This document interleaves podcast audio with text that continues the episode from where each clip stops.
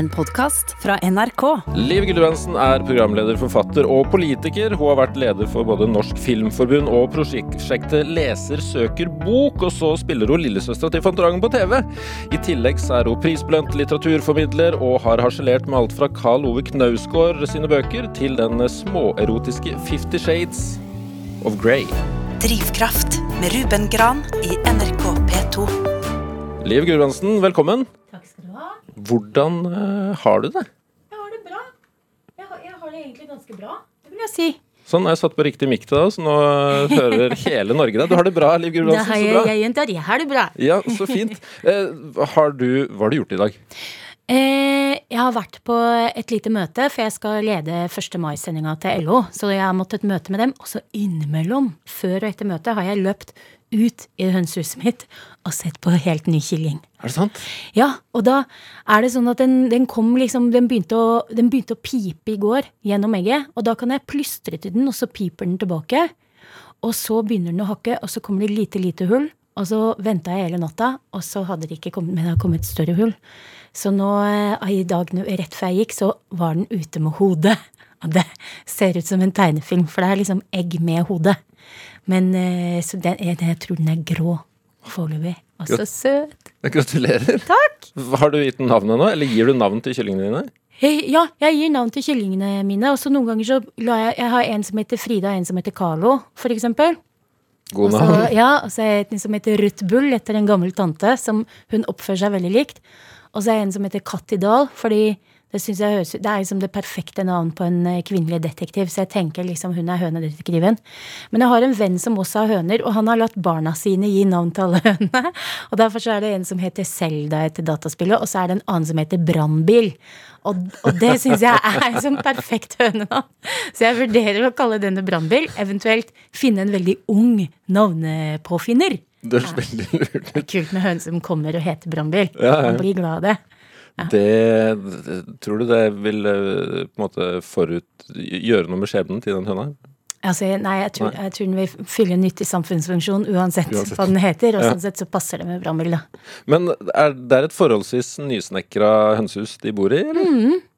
Det er skikkelig fint hønsehus. Jeg kunne bodd der sjøl. Altså, det er bedre isolert enn Altså, jeg kunne ikke bodd der sjøl, for det er altfor lite, og det er høner der.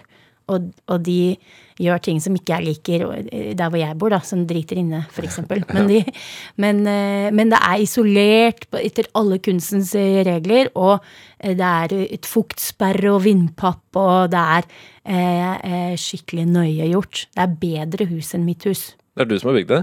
Jeg har bygd det helt sjøl. Og det er Borås-tapeter inni. Det er tapetsert for høne.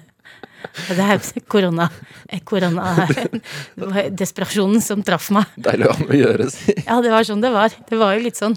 Fordi du tok en nettkurs i byggfag i fjor? Ja, ja, jeg måtte det. Fordi jeg hadde jo på en måte et fullt eh, opplegg. Jeg skulle ut på turné og gjøre masse, masse ting over hele landet, og gleda meg til det. Og hadde egentlig liksom brukt fire år på å bestemme meg for at nå slutter jeg alle de andre jobbene, og så gjør jeg det. Så jeg hadde mer enn full timeplan, og så og jeg hadde til og med lagt opp alt sånn hvis jeg f.eks. får omgangssjuke, hvor mange da, liksom, hva slags forsikring Jeg har lagt inn alle risikofaktorer i et Excel-ark. Unntatt én, viste det seg. Som pandemi, da. Den så jeg det? ikke komme. Nei. Så den kom jo inn fra sida som en flodbølge og flatla alt for eh, eh, meg som kulturarbeider, som for de fleste andre. Så da var det litt sånn at eh, Da tenkte jeg denne desperate energien som er når ting på en måte bare går ned i sånn støvhaug rundt deg, hva skal du bruke den til? Og jeg tenker at da jeg må virkelig ha høy vanskelighetsgrad hvis jeg ikke skal bli psykisk syk og gal. Så da tenkte jeg jeg gjør noe som Og jeg har egentlig alltid Jeg har liksom abonnert på å gjøre det selv i mer enn 20 år. Så jeg tenkte at da gjør jeg det. Ja, det var så gøy! ja, det var det. Ja. Ja, fordi byggfag er ikke nødvendigvis det første kurset folk begynner på. Nei. Jeg tenkte på sveising, men jeg fant bare sånn platesveisekurs som er mest brukt på Nordsjøen. Og det, og jeg tenker liksom byggfag, bygge småhus i hagen på østkanten, det har jeg mer bruk for. Og da kunne jeg bygge et hønsehus. Men du har vært glad i kurs tidligere òg, har du ikke det? Ja, eller jeg generelt, jeg liker veldig godt å lære. Jeg, jeg tenker liksom jeg skal være skikkelig klok og flink når jeg er 80, men fram til det så er jeg litt i, på kurs, ja. Går du, går du på noen kurs nå? Jeg går fortsatt på italienskkurs. Og så hadde jeg meldt meg på mange forskjellige kurs eh, nå, for jeg hadde håpefullt tenkt at denne pandemien kom til å gå over 1.1.2021. Ja. Men eh, Så der er det mye avbestillinger. Men jeg skal, jeg skal gå på mer eh, italiensk kurs, og så har jeg funnet et sveisekurs som ikke er platesveisekurs. Det skal jeg gå på. Og så har jeg lyst til å gå på alle sånne keramikkurs, men det kan jeg gjøre seinere. Så vil jeg gå på matlagingskurs og ja, forskjellig. Mer mm. snekring. Jeg har lyst til å lære å dreie. Det tror jeg er gøy. Ja, det er fint. Ja. Men har du lært noe i dag?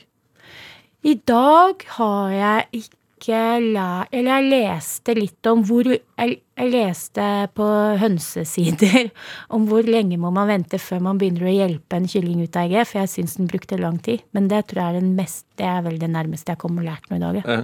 Hvor, hvor, lang tid skal man hjelpe dem, eller skal de klare seg selv? Du, De sier veldig forskjellig. Noen hønseveteraner sier sånn må aldri hjelpe, de som dør, dør, eller Mens andre sier sånn Du kan ha litt fukt i må, kan pille litt hver halvtime. Kan pille et lite hull for å hjelpe, fordi noen kyllinger er, har liksom lavere eh, evne, eller egget kan være veldig hardt.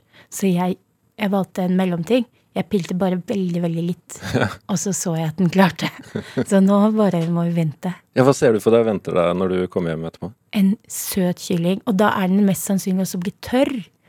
Og det betyr at da går de fra å være sånn kladdete, stygg kylling ja, ja. til å bli veldig sånn dunete, nydelig kylling. Og så en mamma som passer godt på, så klart. Hønsemor. Ja, den har en god mor, denne kyllingen.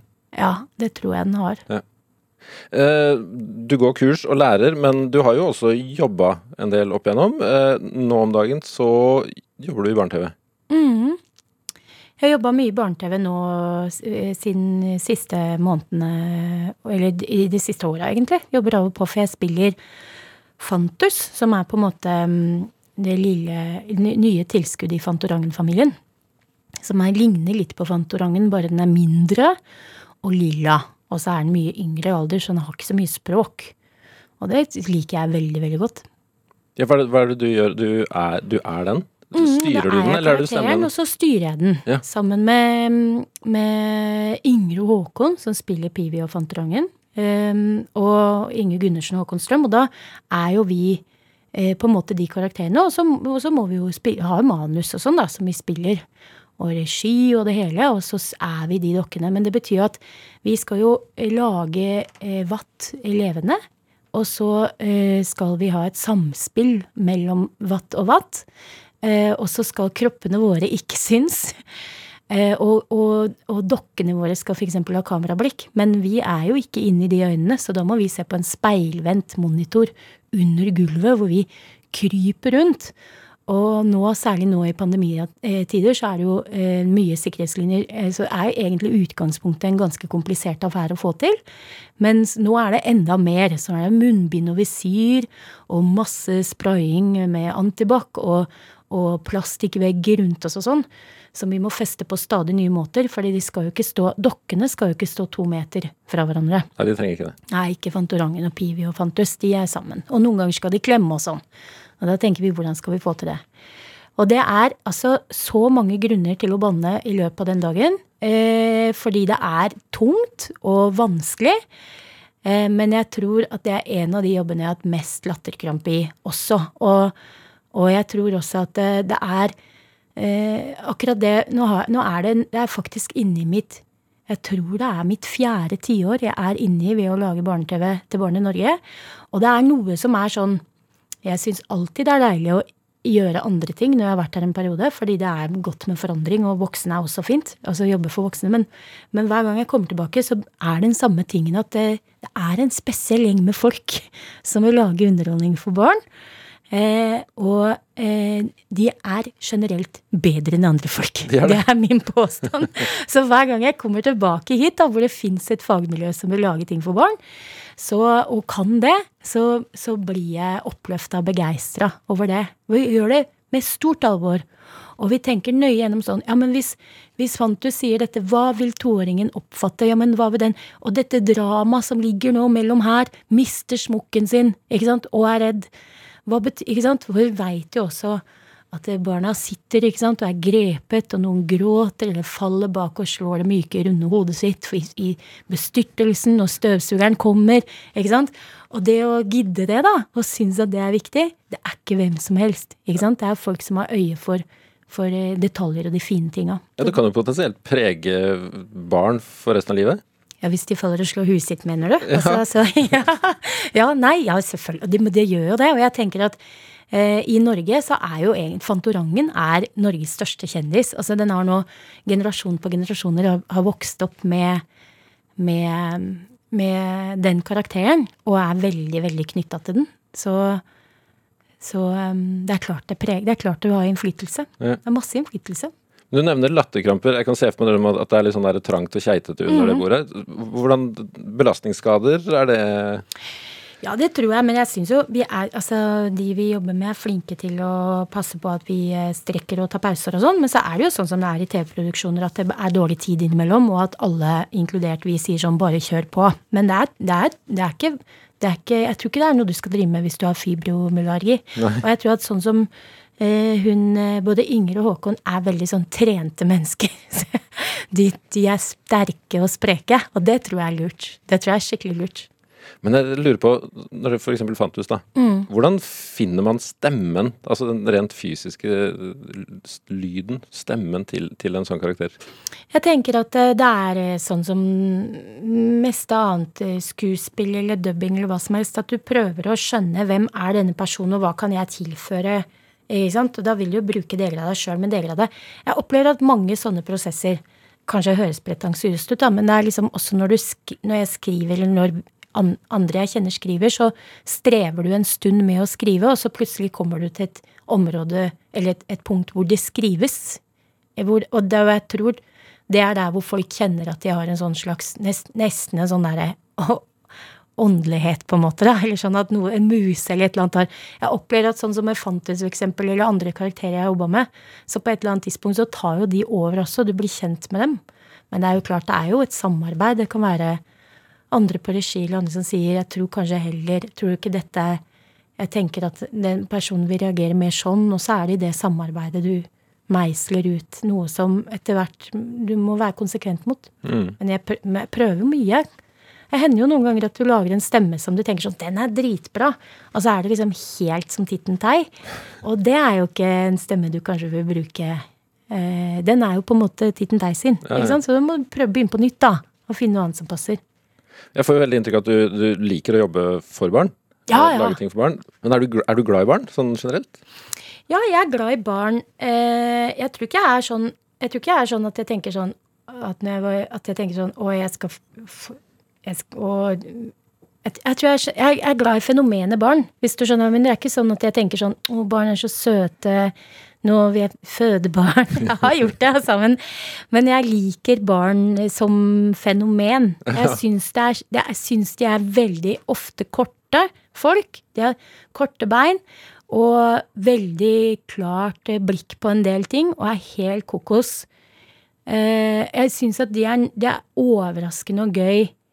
Eh, veldig mange reaksjoner du får når du jobber for barn, er Jeg liker plutselige latterkuler. Jeg liker plutselige hendelser som gjør at du må le.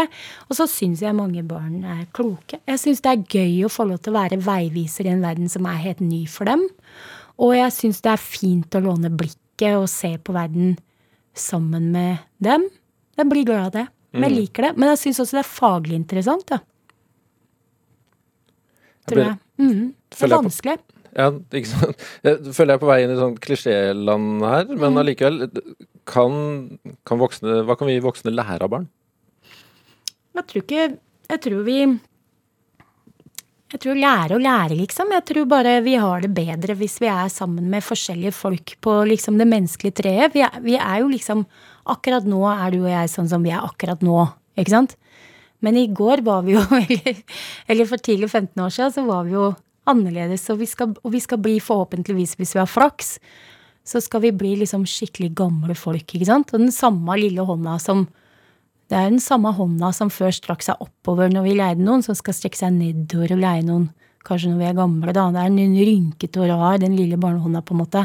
Og jeg tror det å liksom henge med mennesker i forskjellige faser av livet er ålreit. Jeg tror at det minner oss på mange ulike måter å være i og se på verden på, og det tror jeg er bra. Det er mindre kjedelig, men det gjør også kanskje blikket ditt blir skarpere for hva du har rundt deg. Det, og, og, det er gøy. Du, du, og du er jo innimellom vil du jo også være en superhelt. Jeg veit ikke med deg, men jeg syns det er helt ålreit å være da. For jeg kan masse ting som andre ikke kan. Jeg kan f.eks. stå på skøyter. Det imponerte flere barn i vinter. Ja. Det er en bra følelse.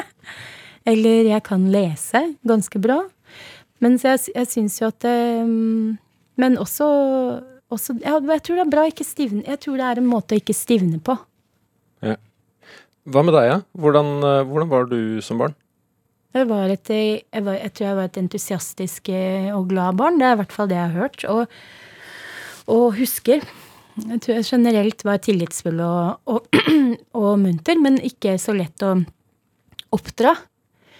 Eh, sånn at jeg tror jeg Jeg var jeg var, jeg, jeg vet, Moren min pleide å skrive på armen min at jeg heter Liv. Hun skrev med sprittusj jeg bor i der og der, og jeg skal være hjemme før sju. Fordi jeg hadde ofte veldig lang radius.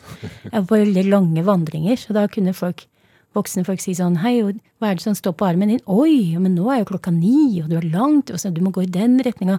Så kunne liksom fellesskapet være med å ta litt ansvar da, for å sende meg hjem eh, når jeg hadde gått for langt. Hva var det du gjorde på de lange turene? Nei, altså snakka med folk kanskje, eller observerte ting, fant trær. Jeg, var, jo veldig, jeg ville være ape veldig gjerne, så jeg gikk generelt jeg gikk, Apedrakt var på en måte mitt eh, faste antrekk.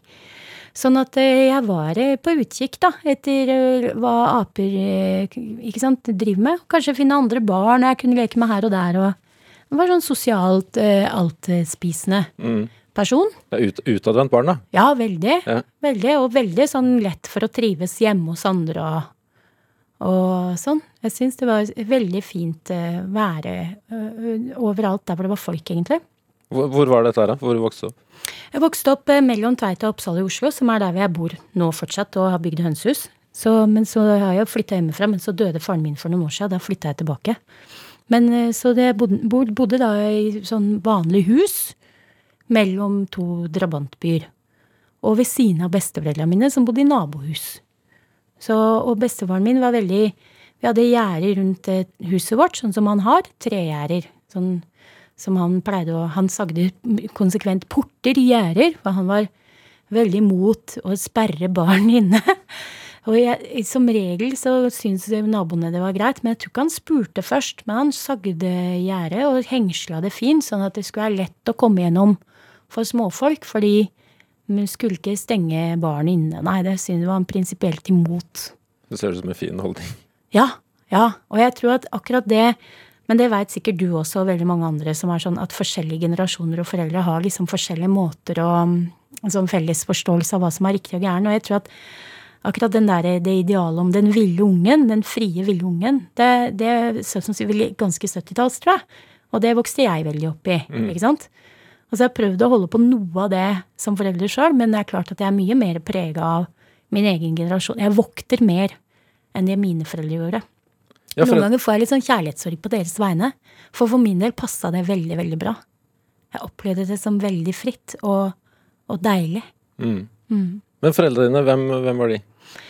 Eh, faren min var Trond Øgrim, han er helt død nå. Og så moren min er Jorunn Gulbrandsen, hun er helt levende. Mm -hmm. Og begge to var, eh, de, eh, var Mora mi var lærer, og faren min var bryggeriarbeider når jeg vokste opp. Og begge to var veldig politisk aktive i annet Arbeidernes Kommunistparti. AKP ML het det først, og så AKP. Hvordan prega det hjemmet ditt? At de var veldig politisk aktive langt ut på venstresida? Eh, det prega jo oss med at eh, det er sånn som jeg liksom ikke har skjønt ordentlig før jeg blir stor. Og det er det at de var jo Altså når vi er barn, så er jo alle voksne innmari voksne. Mens mamma tror jeg fikk meg når jeg var 24 år, og, er, og jeg er jo nummer to. At de, eh, de var veldig unge foreldre.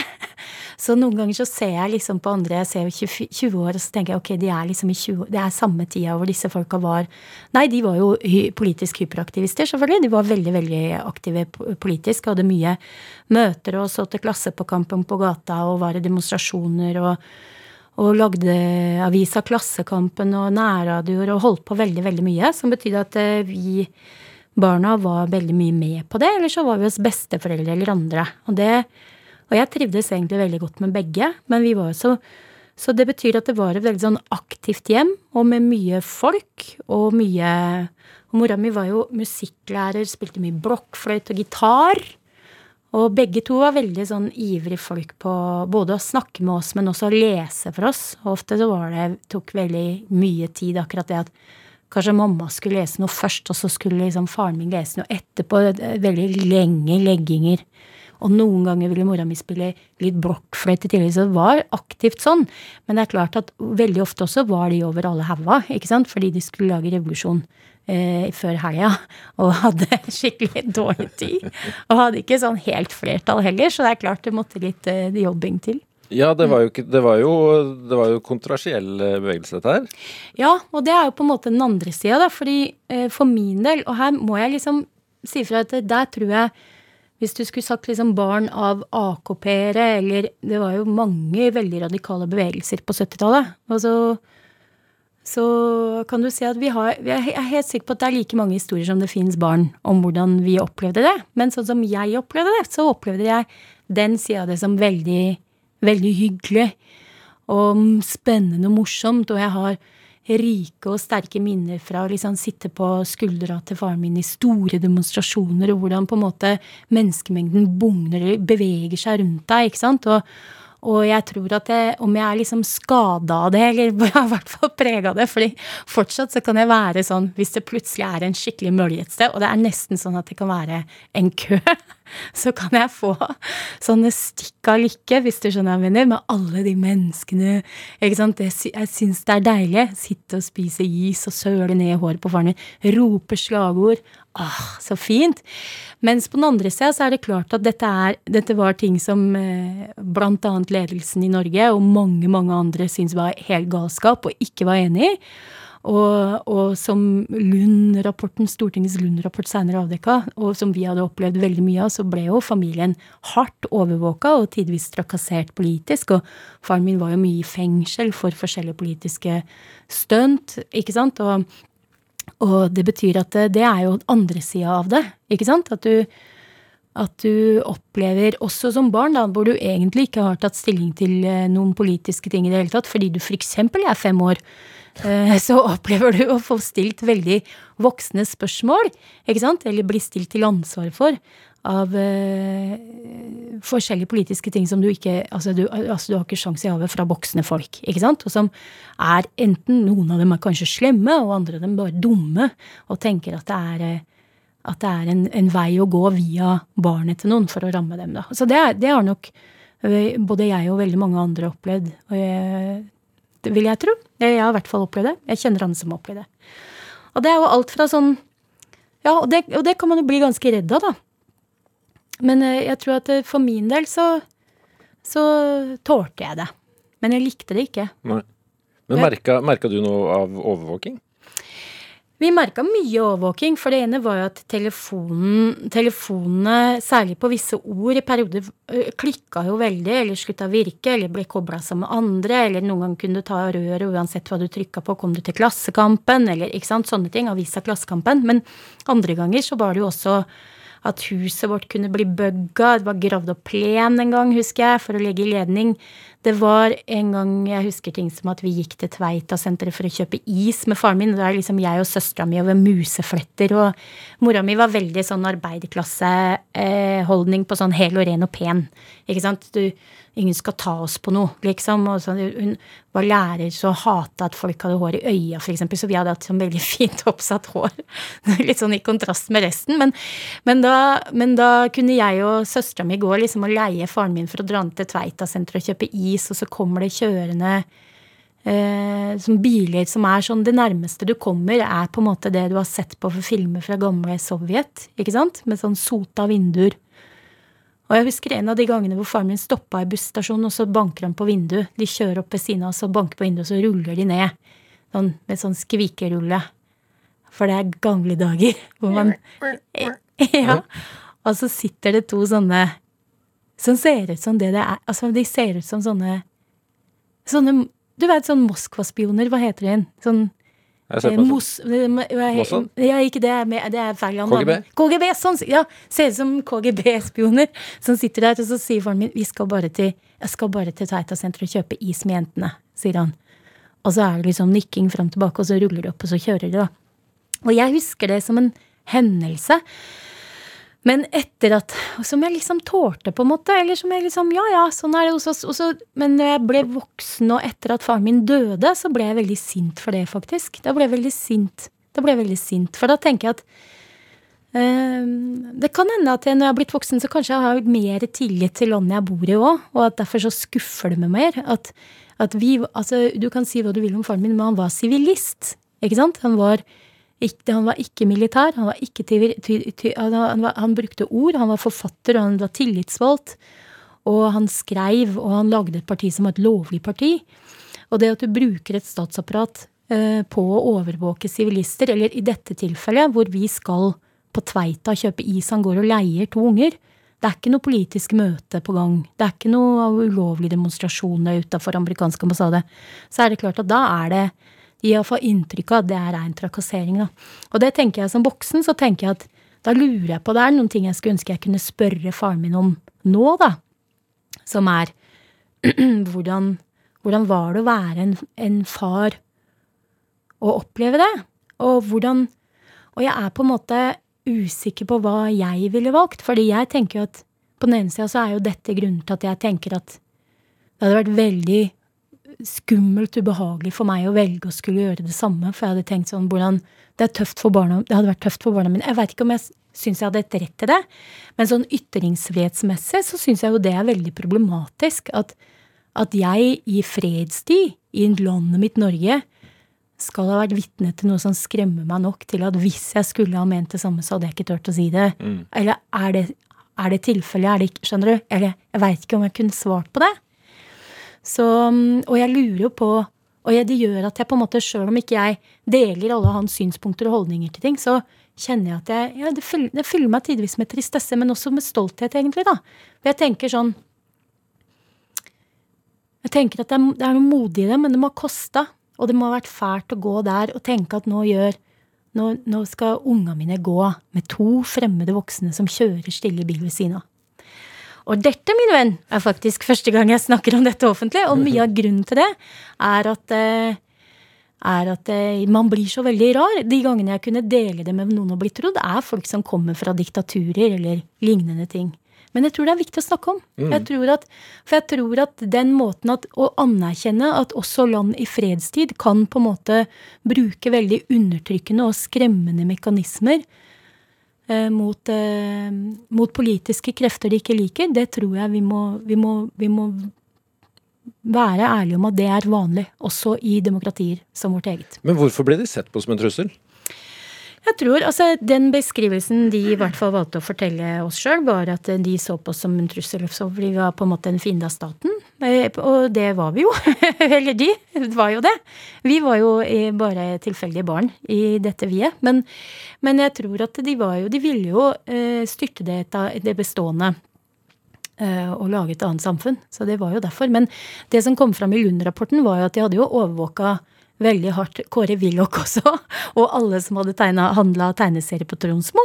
At jeg tror nok at eh, paranoiaen kanskje var eh, litt i største laget, da. Ikke sant? Det tror jeg.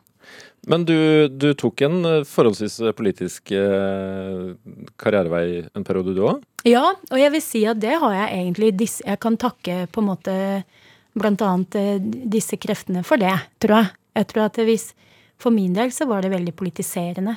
Jeg tror at veldig lenge hadde jeg tenkt at hvis man bare holder kjeft, så får man lov til å være i fred. Men, eh, men, etter, men nei, jeg, ja, det gjorde jeg. Det, og jeg mener det. altså. Det hørtes ut som jeg liksom ble radikalisert av overvåkingspolitikk. Sånn er det ikke. altså Jeg ble jo, jeg er jo engasjert i forskjellige spørsmål og sånn.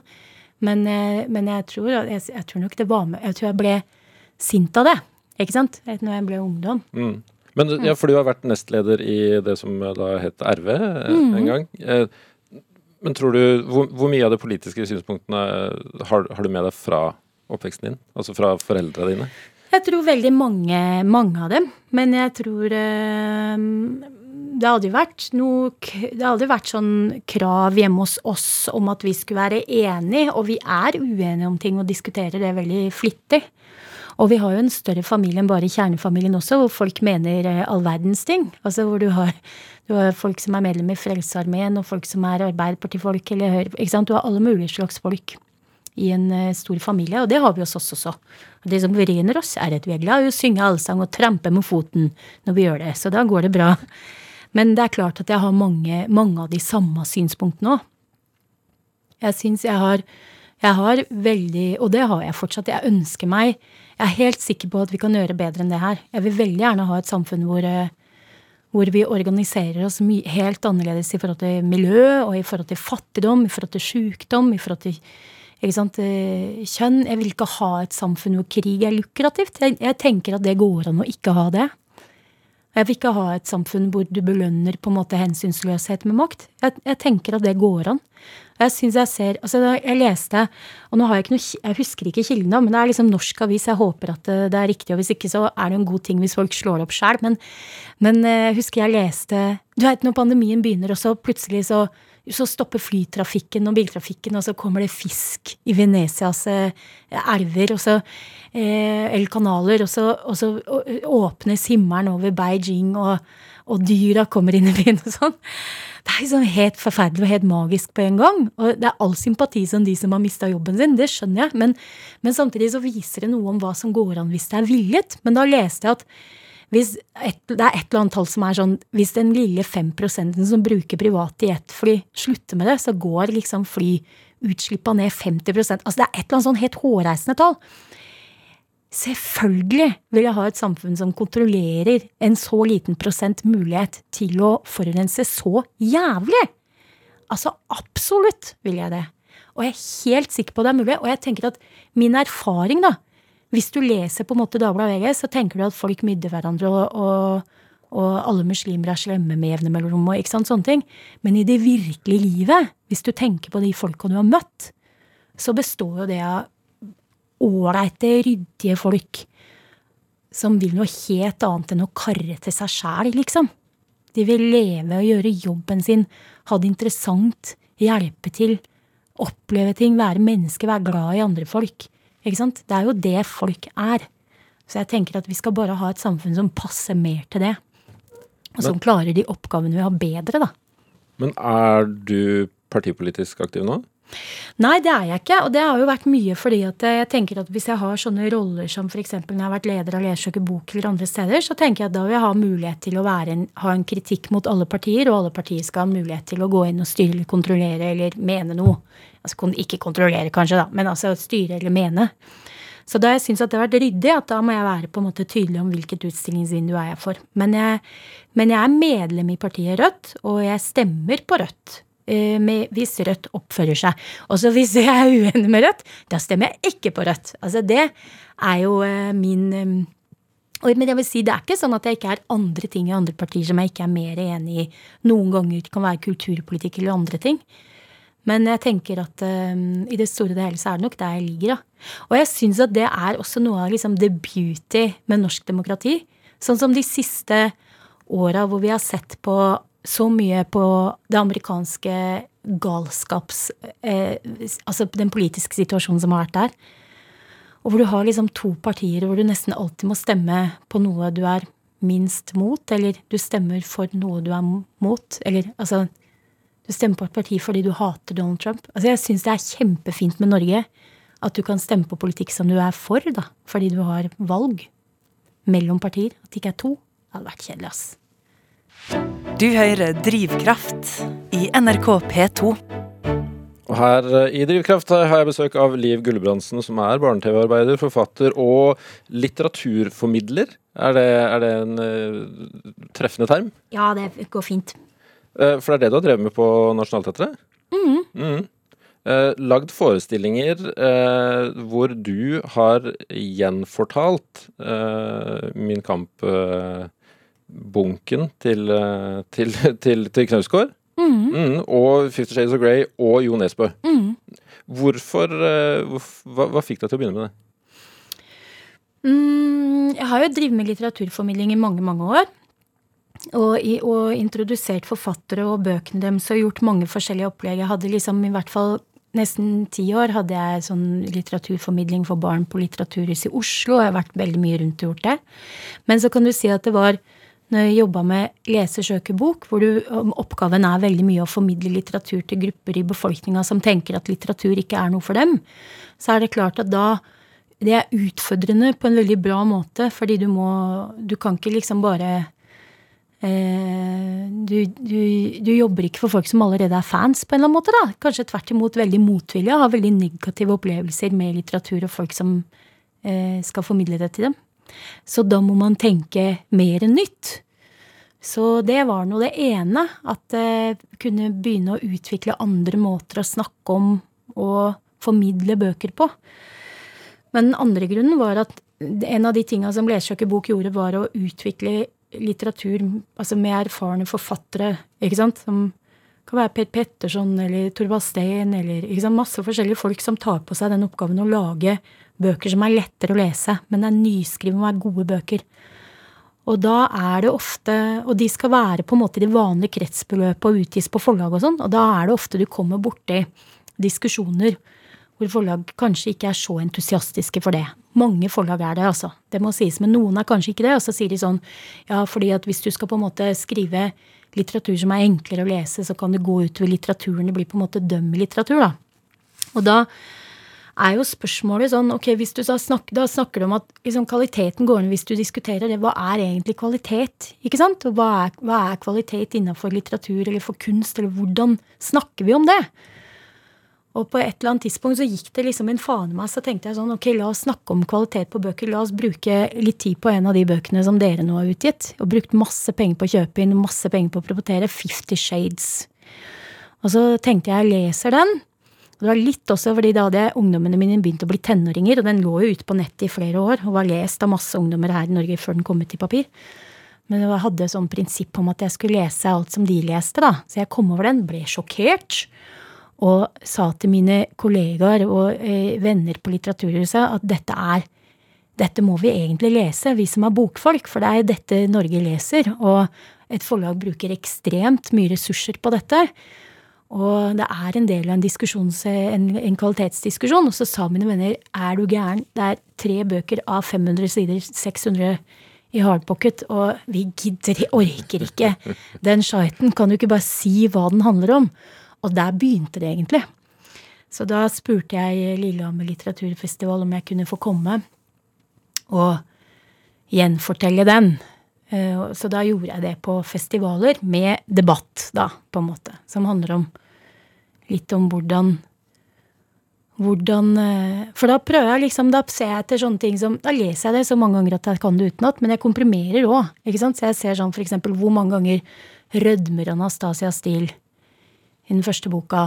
ikke sant? Det er 820. Hun biter seg i leppa 410. For jeg tenker at hvis du skal kritisere det som er manges lystlitteratur og elskelitteratur, men for mange andre drittlitteratur, så må du gjøre det med stor alvorlighet, syns jeg. da. Må, må gjøre det ordentlig. Men da må du også se hva er det forfatteren gjør her. ikke sant? Hvorfor er dette Hvorfor det er, I Fifty Shades vil jeg si at det er egentlig veldig veldig få ord. Det er lite vokabular. De orda som blir brukt, blir brukt veldig mange ganger. Det er mange copy-paste-situasjoner. Det går an å diskutere og se på det. Så det var gøy. Og jeg, og jeg hadde tenkt å gjøre det som en sånn bransje indremedisinsk ting for at vi skulle ha en diskusjon, men jeg, men jeg visste ikke at det hadde så stor interesse og underholdningsverdi for andre. Og så ble det så mange fine diskusjoner, så seinere så var jeg ute med den litteratur, Vestfolds litter, sånn kulturseilas. Og fortalte Fifty Shades på arbeidsplasser i Vestfold. Mye mannearbeidsplasser og for folk med blå dress og så ingeniørsonen var veldig gøy òg. Så kan man diskutere det etterpå. Morsomt. Men jeg, Og, ja, så tok det ene det andre. Så fordi det, ble, det ble på en måte naturlig da, at hvis du først har drevet med Fifty Shades, som er på en måte det er lavkastestatus innenfor Litteratur-Norge, ikke sant? Og så eh, kommer du da til hva er det mest høyverdige, og på den tida er det Knausgård. Ikke sant? Det er nesten, etter mitt syn, det er min påstand, eh, og det var at det var nesten umulig å kritisere Knausgård. Og jeg opplevde det i hvert fall at når jeg hadde på en måte, når det ble lansert at jeg skulle gjøre dette. Jeg har aldri fått så mange advarsler fra folk som sa du må ikke finne på det. Og, og, jeg, og noe av det syns jeg er veldig bra, for jeg tenker han er en nålevende norsk fyr. Og det er veldig fint at en norsk nålevende fyr får så stor suksess. Men det blir veldig rart hvis det ikke går an å diskutere bøkene, men også på en måte kritikken av den, da, eller den manglende diskusjonen. Og etterpå det har det jo kommet mye diskusjoner om hvordan forholder vi oss etisk til å f.eks. eksponere folk som ikke har bedt om det, ikke har noen mulighet, ikke har valgt å være offentlige personer? ikke sant? Det har blitt mer av dem. På den tida var det lite av det. Og, og, hvorfor vi ikke tar de diskusjonene, eller vi som er bokfolk, på en måte, da, kulturarbeidere. Jeg tenker at vi må gjøre det mer. Det er bra for oss. Og, ja, er, det, er, er, det, for mye respekt og, og snobberi i litteraturverden? Nei, jeg tror, Er det ikke litt for mye snobber i hele verden, egentlig? Jeg tror, du det er unikt for litteraturverdenen? Jeg tror, det er litt, jeg tror at på noen måter så ser vi på oss eh, sjøl eh, Jeg, jeg veit ikke helt hva jeg skal si om det. For på den ene sida så tenker jeg sånn at eh, i kultur i Norge nå så vil jeg si at kulturen har nesten ingen plass. Altså Du har en kulturminister som er jurist og ikke bryr seg så veldig mye. Og og når de skal legge fram budsjettene sine, så gidder de ikke lenger å legge fram noen sånn ordentlig kulturmelding. Det går ikke an å stille spørsmål. Det er ikke sånn at vi er på offensiven. ikke sant?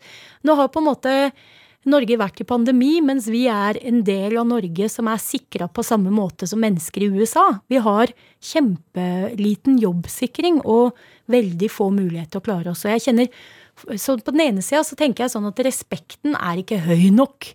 Men på den andre sida så tenker jeg at det er klart at det fins mye snobberi også hos oss. Og ideen om Men du kan jo si at hele den der man sier sånn Alle mener det egentlig. Les bøker, så blir du klok.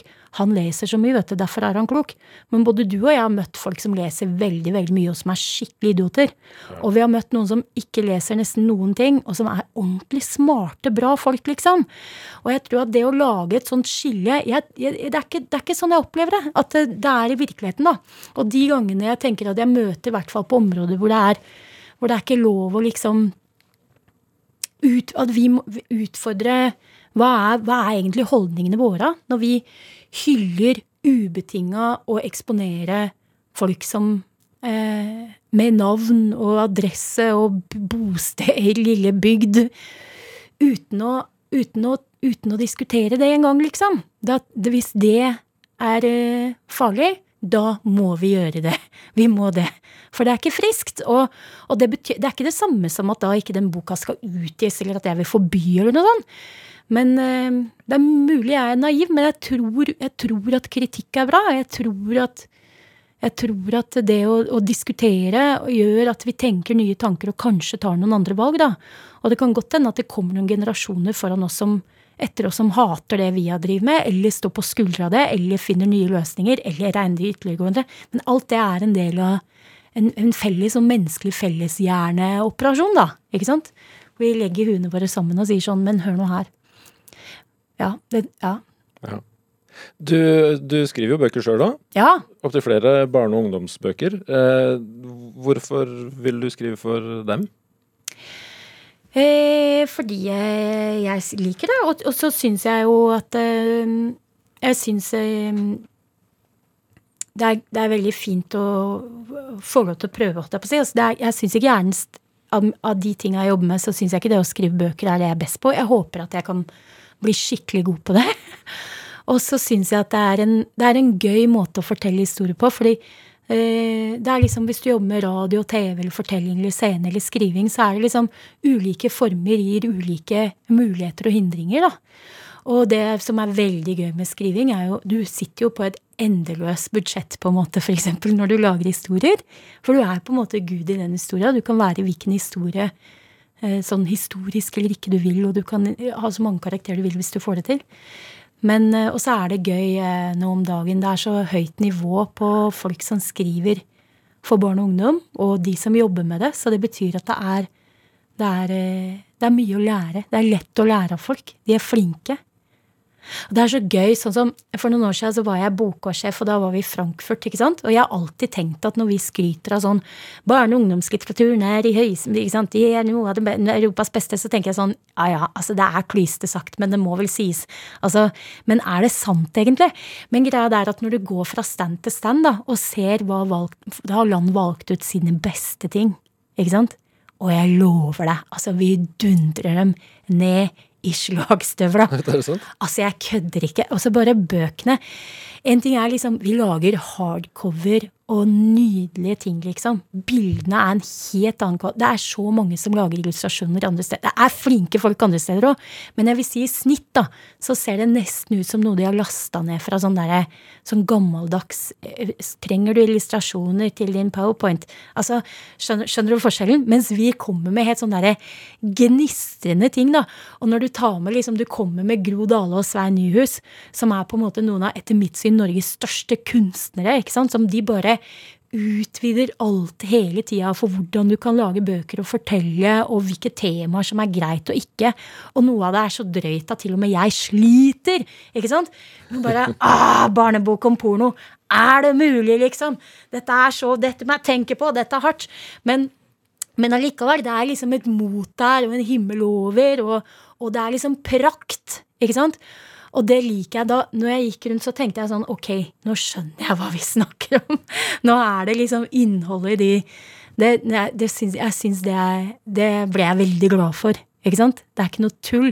Og vi, og vi står på skuldra av sånne som for eksempel Inger Hagerup og Alf Prøysen og sånn, som kommer etter krigen og sier sånn Nei, nå må vi lage en kollokvie.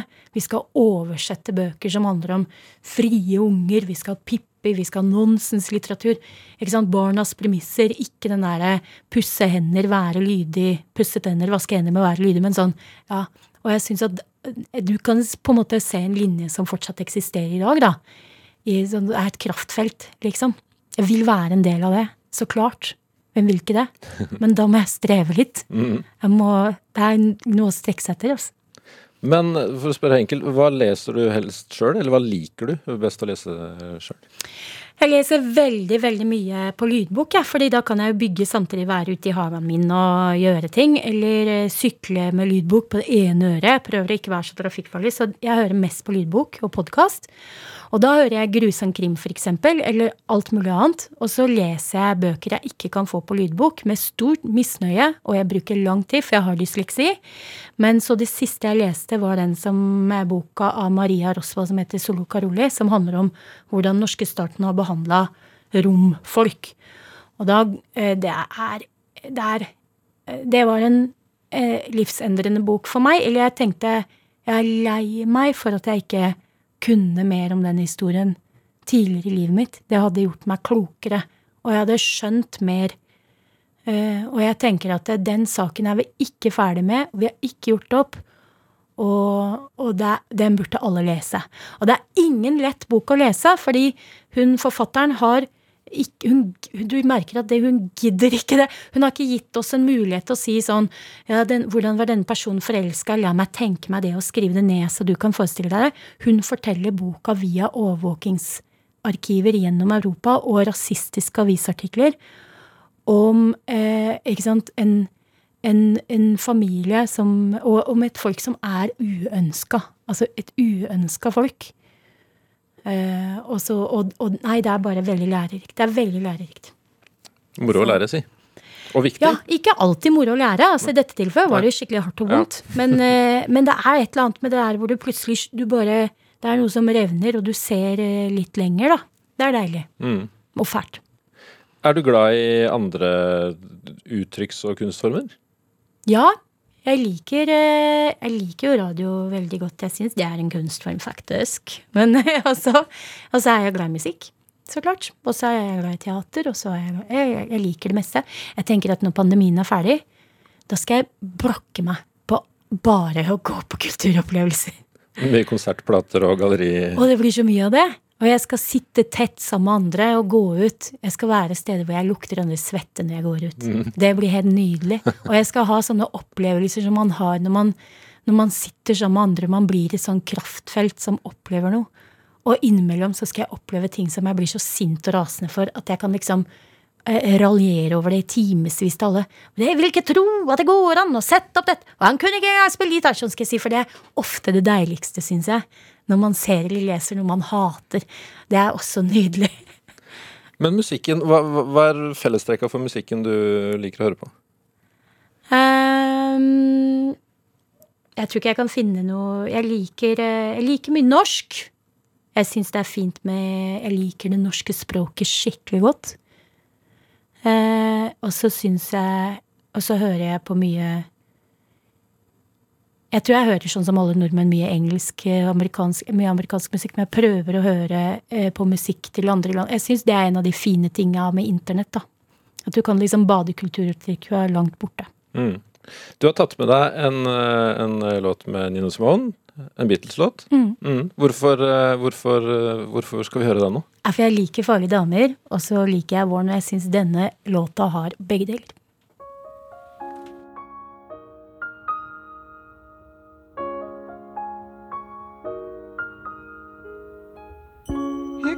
Comes the sun, little darling. Here comes the sun. I say it's alright.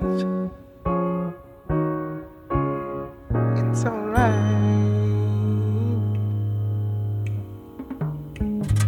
Here comes the sun,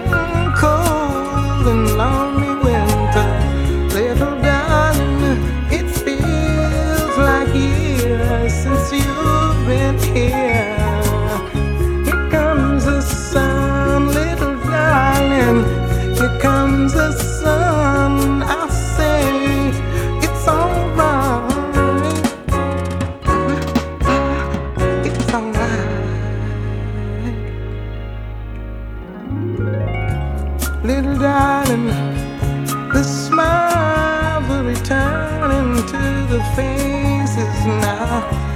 Little darling, it seems like years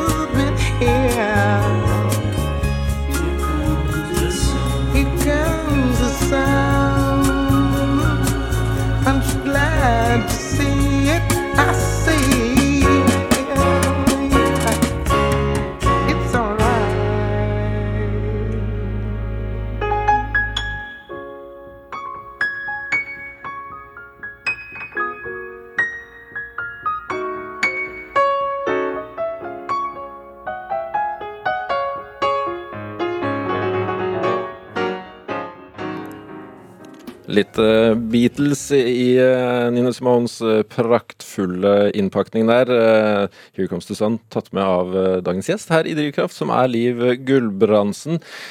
Det ble god stemning her nå. Å, det blir så fint! Ja. Hun, hun der kan levere. Men du, jeg tenkte på, fordi du har jo tatt for deg Knausgård, du har tatt for deg Jo Nesbø, Fifty Shades of Grey. Hva, hva blir neste? Eh, jeg, har, jeg, har, jeg har jo egentlig skulle ha hatt en sånn derre Jeg skulle ha ti fulle saler på hovedscenen på Nationaltheatret med Ibsen.